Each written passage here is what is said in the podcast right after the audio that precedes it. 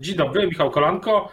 Państwa i moim gościem dzisiaj jest Krzysztof Łapiński, były rzecznik prasowy prezydenta Andrzeja Dudy, właściciel, współwłaściciel agencji PR Timing. Dzień dobry. Dzień dobry, witam pana redaktora, witam państwa.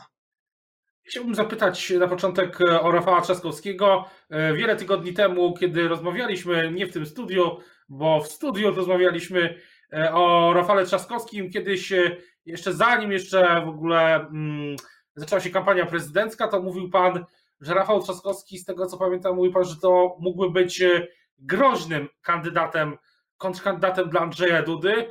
Teraz po wielu perturbacjach taka kampania się zaczyna. Czy, czy, czy widzi pan, że rzeczywiście, czy rzeczywiście Trzaskowski jest trudnym rywalem? Przypominam sobie tę rozmowę. Faktycznie rozmawialiśmy w momencie, kiedy jeszcze de facto nie było wiadomo, kto będzie startował w tych wyborach.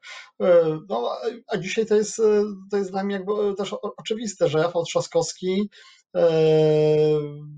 no, jest kandydatem, e, który, którego wejście zamieszało na scenie politycznej, bo proszę zauważyć, że e, ma po pierwsze ten atut, że popiera go największa partia opozycyjna, partia, która w sondażach ma około 25-30%, no a po drugie sam kandydat jest osobą rozpoznawalną, jest prezydentem Warszawy, prezydentem stolicy, wygrał te wybory no, w taki dość w pierwszej turze, czyli też w taki sposób dość spektakularny. E, ma też e, pewne doświadczenie, był europosłem, posłem, e, wiceministrem, ministrem, więc też jest rozpoznawalny ogólnopolsko. To nie jest człowiek, który musi teraz walczyć o rozpoznawalność, bo czasu jest mało, więc też widać, że ma energię i chęć, żeby walczyć o najwyższy urząd w państwie, więc pojawił się na, ostatniej, na ostatniej prostej, po tych perturbacjach związanych z e, nieodbyciem się wyborów 10 maja kandydat, który e, ma realne szanse wejścia do drugiej tury, no a w drugiej turze e, to zawsze wszystko jest loterią, wszystko się może zdarzyć. On dzisiaj walczy przede wszystkim, żeby wejść do drugiej tury troszeczkę zepchnął na dalszy plan kandydatów, którzy jeszcze niedawno mieli e, dość e, duże szanse na wejście do drugiej. Myślę tutaj o Władysławie Kosiniaku, Kamyszu i Szymonie Chłowni. Zobaczymy, jest cztery tygodnie, prawdopodobnie cztery tygodnie do e, pierwszej tury i to, to, jest czas, kiedy, kiedy jeszcze wiele się może zdarzyć, no ale dzisiaj na pewno Rafał Trzaskowski jest, jest tym kandydatem, który ma największe szanse wejść do drugiej tury, choć jak mówię, pewnie Szymon Chłownia i Władysław Kośniak-Kamysz będą do końca walczyć, żeby zająć jak najlepsze miejsce. A coś Pana zaskoczyło w tej w tej pierwszej części tej, tej prekampanii, bo wielu komentatorów zwraca uwagę, że Rafał Trzaskowski dosyć sprawnie e, wrzuca na agendę, jak to się ładnie mówi, e, tematy, które później rezonują w przestrzeni publicznej. I wiele osób jest troszeczkę zaskoczonych tym, że jak bardzo różni się ten sztab i to działanie Trzaskowskiego od sztabu i działania E, Kidawy Błońskiej, że, że widać jakąś e, zmianę, której wcześniej w Platformie nie było. Pan też to dostrzega? No, ewidentnie, ewidentnie widać, że, że te zmiany w prawie, czy tam możliwość wystawienia nowego kandydata dały Koalicji Obywatelskiej taki drugi oddech. E, oni ten, ten, tę szansę wykorzystali. Podjęli no, wydawało się być troszkę ryzykowną decyzję wycofania wcześniej zgłoszonego kandydata, y, ale, ale jak na razie widać, ta decyzja się opłacała, bo ten kandydat, który wszedł, Rafał Trzaskowski, na, na dzień dobry zdobywa około 20 czy 20 paru punktów e, procentowych poparcia. E, jeszcze jest kampania, tak jak Pan mówi, kilka, e, kilka elementów tej kampanii e, już się udało, bo zostały narzucone pewne tematy. No też Rafał Trzaskowski chyba też dość, dość mocno mobilizuje elektorat Koalicji Obywatelskiej, czy szerzej nawet antypisu, który wcześniej trochę był zdemobilizowany. To było widać w sondażach, że po apelach o, e, o bojkot wyborów, wielu wyborców e, no, w, w, sondażach nie było, nie było ujętych, bo, bo deklarowało, że nie pójdzie na wybory. Dzisiaj widać, że, e, że Rafał Trzaskowski też mobilizuje ten elektorat, nazwijmy to wielkomiejski, elektorat Koalicji Obywatelskiej, czy, czy, czy nawet można powiedzieć trochę szerzej elektorat antypis. I, w te, I w tym sensie no, na, na tym etapie to widać, że ta ryzykowna na początku decyzja o zmianie kandydata, no, w trakcie już de facto um, procesu wyborczego, na, na tę chwilę Platformy Obywatelskiej się opłaca. A czy y, ma pan takie wrażenie, które, y, czy, czy ma pan wrażenie, albo czy ma pan przekonanie, że PiS potrafi, z, znalazł już jakieś słabe punkty Rafała Trzaskowskiego? Y, bo ja obserwuję te konferencje prasowe i, i, i trochę mam wrażenie, że to już wszystko było. No, na, na, pewno e, Prawo i Sprawiedliwość chce e, tymi atakami na, na, na Rafała Trzaskowskiego, czy, czy przypominaniem e, pewnych kwestii związanych z zarządzaniem Warszawą, czy tych kwestii związanych ze swoją światopoglądową, zmobilizować swoich wyborców. Natomiast też pamiętajmy, że ta kampania jest trochę inna, że w tej kampanii oczywiście ważna jest mobilizacja wyborców własnych, no ale też trzeba to nie, to nie są wybory parlamentarne, gdzie 43% wystarczy często do samodzielnego rządzenia, to trzeba mieć 50%, więc tej, w takiej kampanii też trzeba uważać, żeby w jakiś sposób nie zrazić wyborców mniej zdecydowanych, niezdecydowanych, takich wahających się, że też nie można z pewnymi tematami e, przegrzać, e, no, no bo jeśli kampania będzie zbyt ostra, to część wyborców uzna, że, e, że nie chcą takich, tak, takich kłótni w polityce, nie chcą takich ostrych kampanii e, i, i to może być tutaj e, odnieść e, odnieść skutek przeciwny od, od, od zamierzonego. Jak Pan mówi, no tutaj są w zasadzie te tematy, które, którymi Rafał Trzaskowski był, był atakowany, pamiętamy, w czasie wyborów samorządowych. No, zobaczymy, jaki to odniesie skutek, no bo dzisiaj pamiętajmy, że ta kampania nie, nie, nie ogranicza się tylko do Warszawy, ale ogólnopolsko i niekoniecznie może być też tak, że tematy, którymi tam w jakiś sposób żyją warszawiacy, czy żyli warszawiacy, e, znajdą odzwierciedlenie w zainteresowaniu wyborców, nie wiem, na, na Pomorzu, w Wielkopolsce, w Małopolsce czy na Śląsku. Być może te tematy warszawskie no i jakieś tam wpadki przy rządzeniu zupełnie ich nie będą interesowały. No tak, ale też jest pytanie o samą kampanię prezydenta Andrzeja Dudy, tą reelekcyjną. E, drugą kampanię. Czy, czy pan myśli, że sądzi pan, że e, taki, tej kampanii potrzebny jest e, jakiegoś rodzaju reset po tej pierwszej kampanii? Czy, czy, czy myśli pan, że coś jest potrzebna, potrzebna jest gdzieś jakaś zmiana w nowych warunkach? Bo takie słowo reset gdzieś zaczyna krążyć, jeśli chodzi o, o Andrzeja Dudę. Czy, czy, czy pan się z tym zgadza, że ja, ja myślę, że... coś musi się zmienić? Ja myślę, że w ostatnich tygodniach mieliśmy do czynienia z taką sytuacją specyficzną, wcześniej spotykaną. Kamp e, kampanii bez wyborów, e, no bo każdy z kandydatów prowadził działania, nazwijmy to kampanijne, czy, czy de facto kampanijne, nie wiedząc jeszcze, e, kiedy te wybory dokładnie się odbędą. Dziś pewnie się dokładnie dowiemy, czy to jest faktycznie ta podawana często data 28 czerwca. No i to była pewnie trudność dla każdego kandydata. No z chwilą, kiedy już kampania będzie ogłoszona, ten kalendarz wyborczy będzie znany, pewnie każdy, każdy sztab już będzie wiedział, jak można wydawać pieniądze, co, nale, co należy zrobić e, i te cztery tygodnie e, pewnie będą kluczowe, przede wszystkim też dla, no, dla e, obecnego prezydenta, bo dzisiejsze sondaże pokazują, że w zasadzie on konsumuje e, wyborców, którzy popierają PiS. Te 42-3% w sondażach to, to, jest bardzo blisko, czy, czy, czy, to jest e, ta liczba, e, która ostatnio wyborców, która ostatnio zagłosowała na Prawo i Sprawiedliwość w ostatnich wyborach parlamentarnych. No, i ewidentnie widać, że żeby wygrać te wybory, czyli zdobyć te 50% plus 1, trzeba pozyskać nowy elektorat w drugiej turze zapewne pozyskać elektorat tych kandydatów, e, niektórych, którzy do tej nie wejdą. E, nie wiem, czy, czy, czy, czy akurat takie działania są przewidziane na najbliższe tygodnie, no ale, ale, ale te liczby chyba wskazują na to, że elektorat Prawa i Sprawiedliwości jest zmobilizowany, wie na kogo oddać głos, chce oddać głos na Andrzeja Dudę, natomiast ten elektorat nie wystarczy. Potrzebne, potrzebne pewne, pewnie będą działania, które pozyskają nowych wyborców, czy wyborców, którzy na co dzień nie utożsamiają się z Prawem i Sprawiedliwością. Czy no takie działania...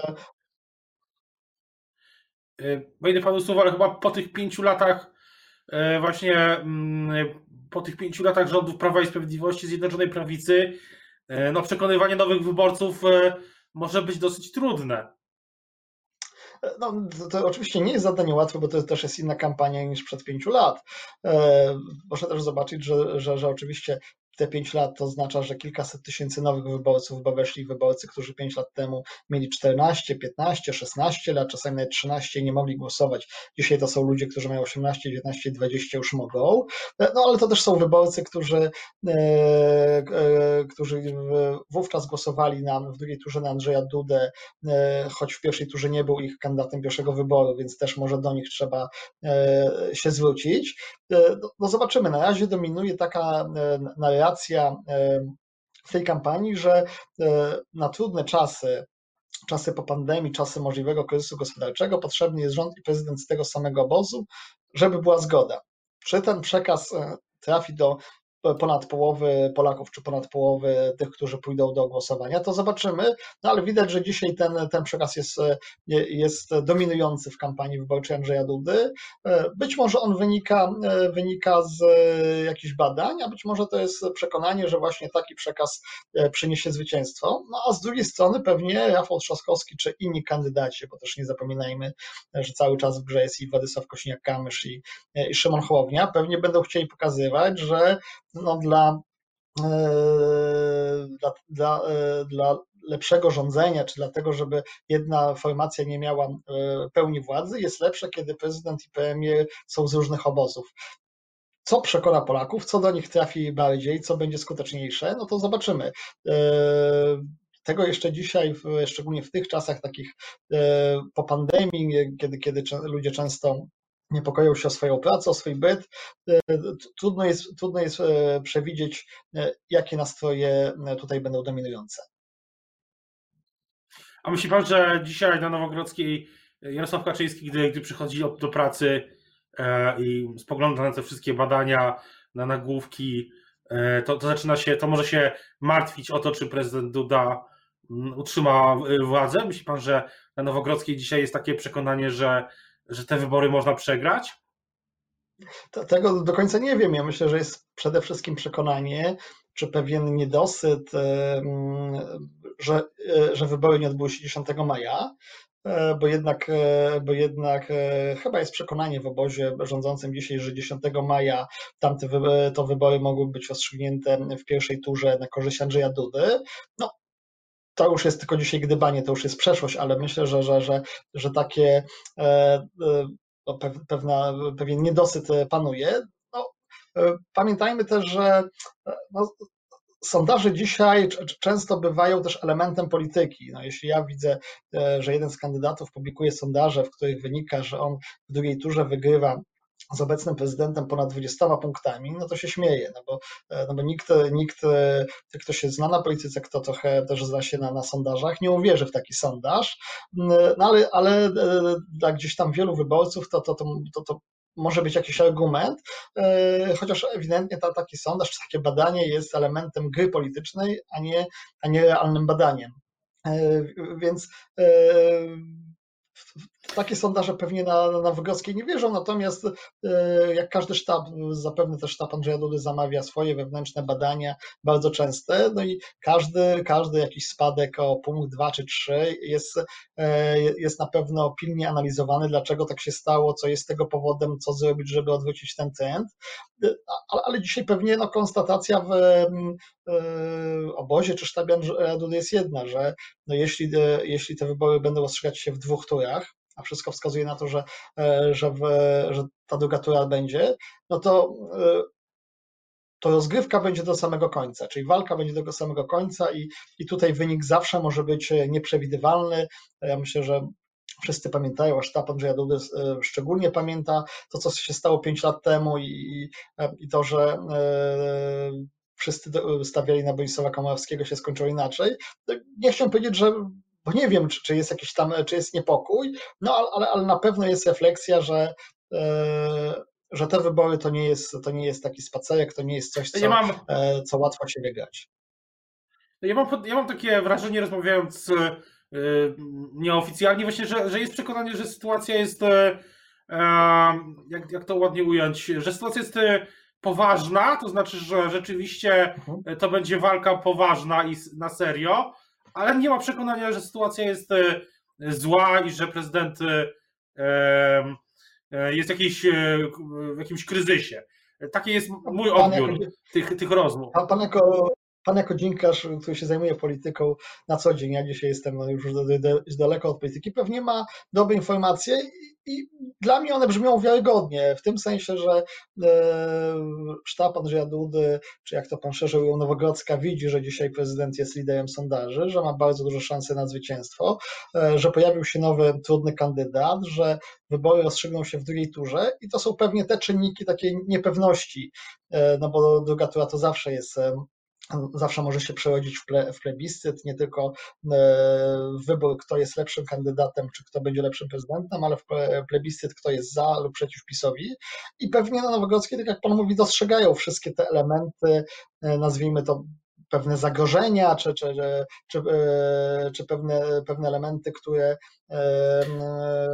które są trudne, e, będą trudne w najbliższych tygodniach, ale też nie sądzę, tak jak Pan mówi, że zgadzam się, że, że była jakaś panika, bo jednak jeszcze te sondaże są dość wysokie, stabilne. Raczej faktycznie, jeśli, jeśli miałbym e, przewidywać, jaki jest nastrój w sztabie czy na Wolskiej, to taki, że, e, że mamy przewagę, prowadzimy, ale nie możemy lekceważyć przeciwników czy tych, którzy walczą o tak. drugą turę, bo, bo, bo zlekceważenie przeciwnika może się źle skończyć. Na koniec e, Czyli nie zapytać o samą panikę, ale analizujemy e, ewentualnych niebezpieczeństw związanych z drugą turą. Na koniec chciałbym zapytać o samą, samą kampanię, no bo to jest przedziwna sytuacja, której ani ja, ani pana, nikt e, dzisiaj w Polsce nie ma na to żadnego podręcznika, że są dwie kampanie pod rząd, z których jedna zakończyła się trwała, ale, ale ostatecznie zakończyła się, nie, nie było głosowania. Teraz będzie taka druga faza, dogrywka. Czy, czy myśli pan, że prezydent Duda ma, ma taką wewnętrzną, y, fizyczną też siłę do tego, żeby tą kampanię przez te sześć tygodni jeszcze prowadzić? No, te, tego nie wiem, to się okaże, bo faktycznie pamiętajmy, że każda kampania to jest wysiłek ogromny, fizyczny, emocjonalny, psychiczny. E, no, z, zwłaszcza e, ta, ta, sytuacja, tak jak Pan mówi, jest pewnie też trudna e, dla tych, którzy startują od kilku tygodni, bo, bo wielu z nich pewnie zakładało, że albo 10, albo 24 maja ten wyścig się zakończy, a tu nagle mentalnie na, na to się przygotowywali pewnie fizycznie, a tu nagle okazuje się, że jeszcze po 24 maja trzeba kolejnych 6-8 tygodni, tak, e, e, poświęcić na ciężką pracę. Nie, nie wiem, jak, jak e, do tego jest przygotowany prezydent czy każdy inny z kandydatów, ale faktycznie to może być kluczowa rzecz. Kto te 6-8 tygodni wytrzyma, no bo tu mamy kandydatów, którzy, przepraszam, sześć już w tej chwili, bardziej cztery, sześć. E, tu mamy kandydatów, którzy już tą kampanię w różny sposób prowadzą od kilku miesięcy, jeżdżą. E, to jest często naprawdę ogromny wysiłek fizyczny, bo jeszcze muszą te dzielić funkcje e, kampanii, z, muszą połączyć z tym ze sprawowanymi urzędami, czy, czy, czy, czy z urzędem prezydenta, czy z mandatem poselskim, jak, jak na przykład prezes PSL-u. No a, a dzisiaj też jest tak, że, że wchodzi nowy kandydat, który jest troszeczkę nie jest zmęczony tą, tą kampanią. Nie jest tak, że, że w ostatnich tygodniach e, przejechał e, tysiąca, może i dziesiątki tysięcy kilometrów i odbył setki spotkań. Jest efekt świeżości, nowości, więc to też będzie ciekawe. Ja tutaj panu nie, nie odpowiem, bo, bo, bo nie, nie, nie pracuję w sztabie, w w jakiej kondycji jest poszczególny kandydat, ale to też może być kluczowe. Kto wytrzyma fizycznie i psychicznie kiedy też wiemy, że z jednej strony są kandydaci, którzy prowadzą tą kampanię od kilku tygodni, więc efekt zmęczenia jest czymś, może być czymś naturalnym, niczym nadzwyczajnym, a jeszcze trzeba wykrzesać kilka tygodni ciężkiej pracy i, i koncentracji. I, I, to może być też e, jedna z, z no nie chcę powiedzieć, że z kluczowych rzeczy, ale z ważnych, e, kto do końca kampanii wytrzyma fizycznie i psychicznie. O tym przekonamy się, będziemy widzieć to już e, wkrótce. Dzisiaj rzeczywiście marszałek Sejmu Elżbieta Witek e, najpew, e, najpewniej ogłosi i datę wyborów i oczywiście kalendarz. Zobaczymy kto, kto krótszy niż, zazwyczaj. Krótszy niż zazwyczaj, ale jednak wielotygodniowy. Teraz bardzo dziękuję tak. za rozmowę Państwa i moim gościem był Krzysztof Łapiński, były rzecznik prezydenta Andrzeja Dudy, agencja Timing. Dziękuję bardzo. Dziękuję bardzo, miłego dnia, do widzenia.